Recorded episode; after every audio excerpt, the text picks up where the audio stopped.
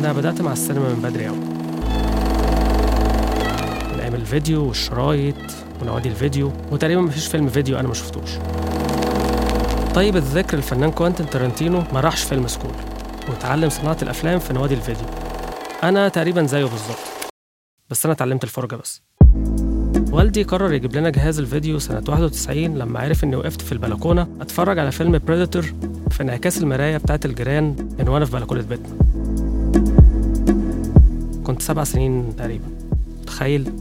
مفيش فيلم سينما في الوقت دوت أنا ما شفتوش عرض أول. المخرج اللي كان بيشدني كان لازم أقر الفيلموجرافي بتاعه كله. عشان كده أنا أكتر واحد ممل في أصحابي لما بيحبوا يروحوا السينما.